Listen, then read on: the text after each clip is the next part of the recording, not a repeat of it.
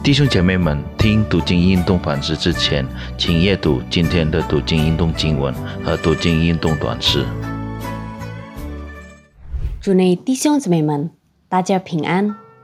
感谢上帝今天赐给我们机会，能够一起来聆听并思想上帝的话语。我们今天要一起来思想的主题是统一方法。经文取自。创世纪第二十三章，聆听上帝的话语之前，我们先一起来祷告。我们在天上的父，谢谢你给我们机会再次来到你的面前，思想你的话语。求主帮助我们能够明白你的话。感谢主，奉主名求，阿门。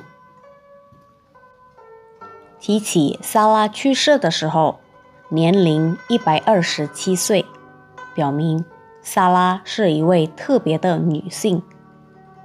圣经中没有其他女人被告知她死亡的年龄。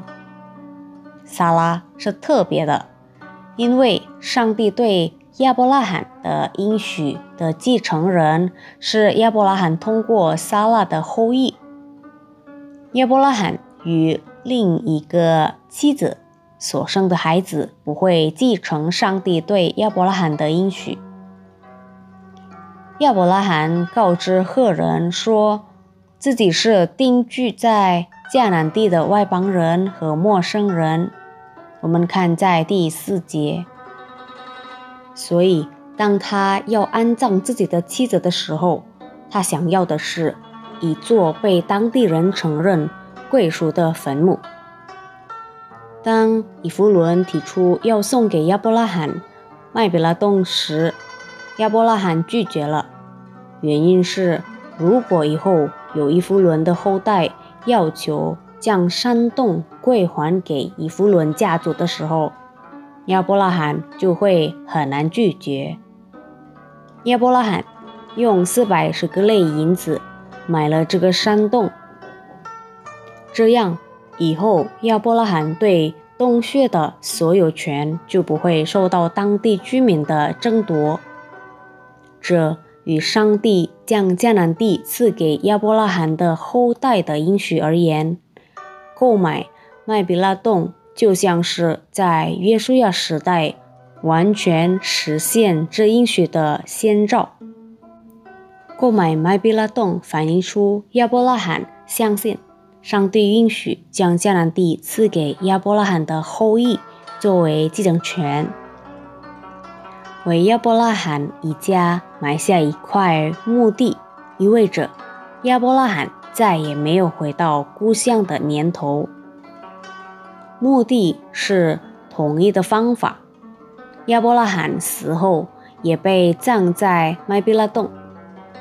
以撒死后，他回到他的本名。很明显，他一定是被埋葬在麦比拉洞里。雅各死在埃及，但他也被埋葬在麦比拉洞。当以色列人回到迦南地的时候，他们应约瑟的要求，将他的骸骨安葬在迦南地的家族墓地、家庭墓地。是将亚伯拉罕的家族到约瑟时代团结的一种方式。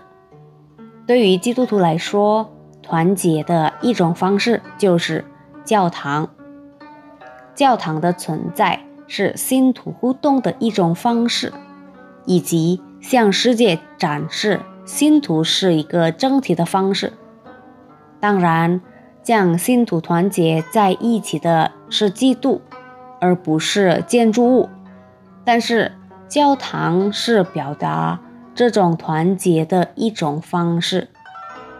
大流行时期破坏了信徒的团结，让我们作为上帝的子民，通过反悔教会生活来表达我们的合一。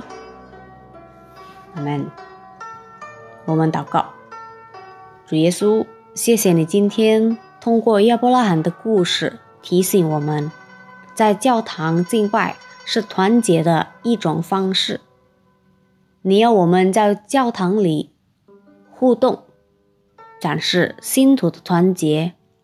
求你赦免我，因为现在世界都叫我们只想着自己的事，不管别人的事，感觉在家里线上敬拜都已经足够了。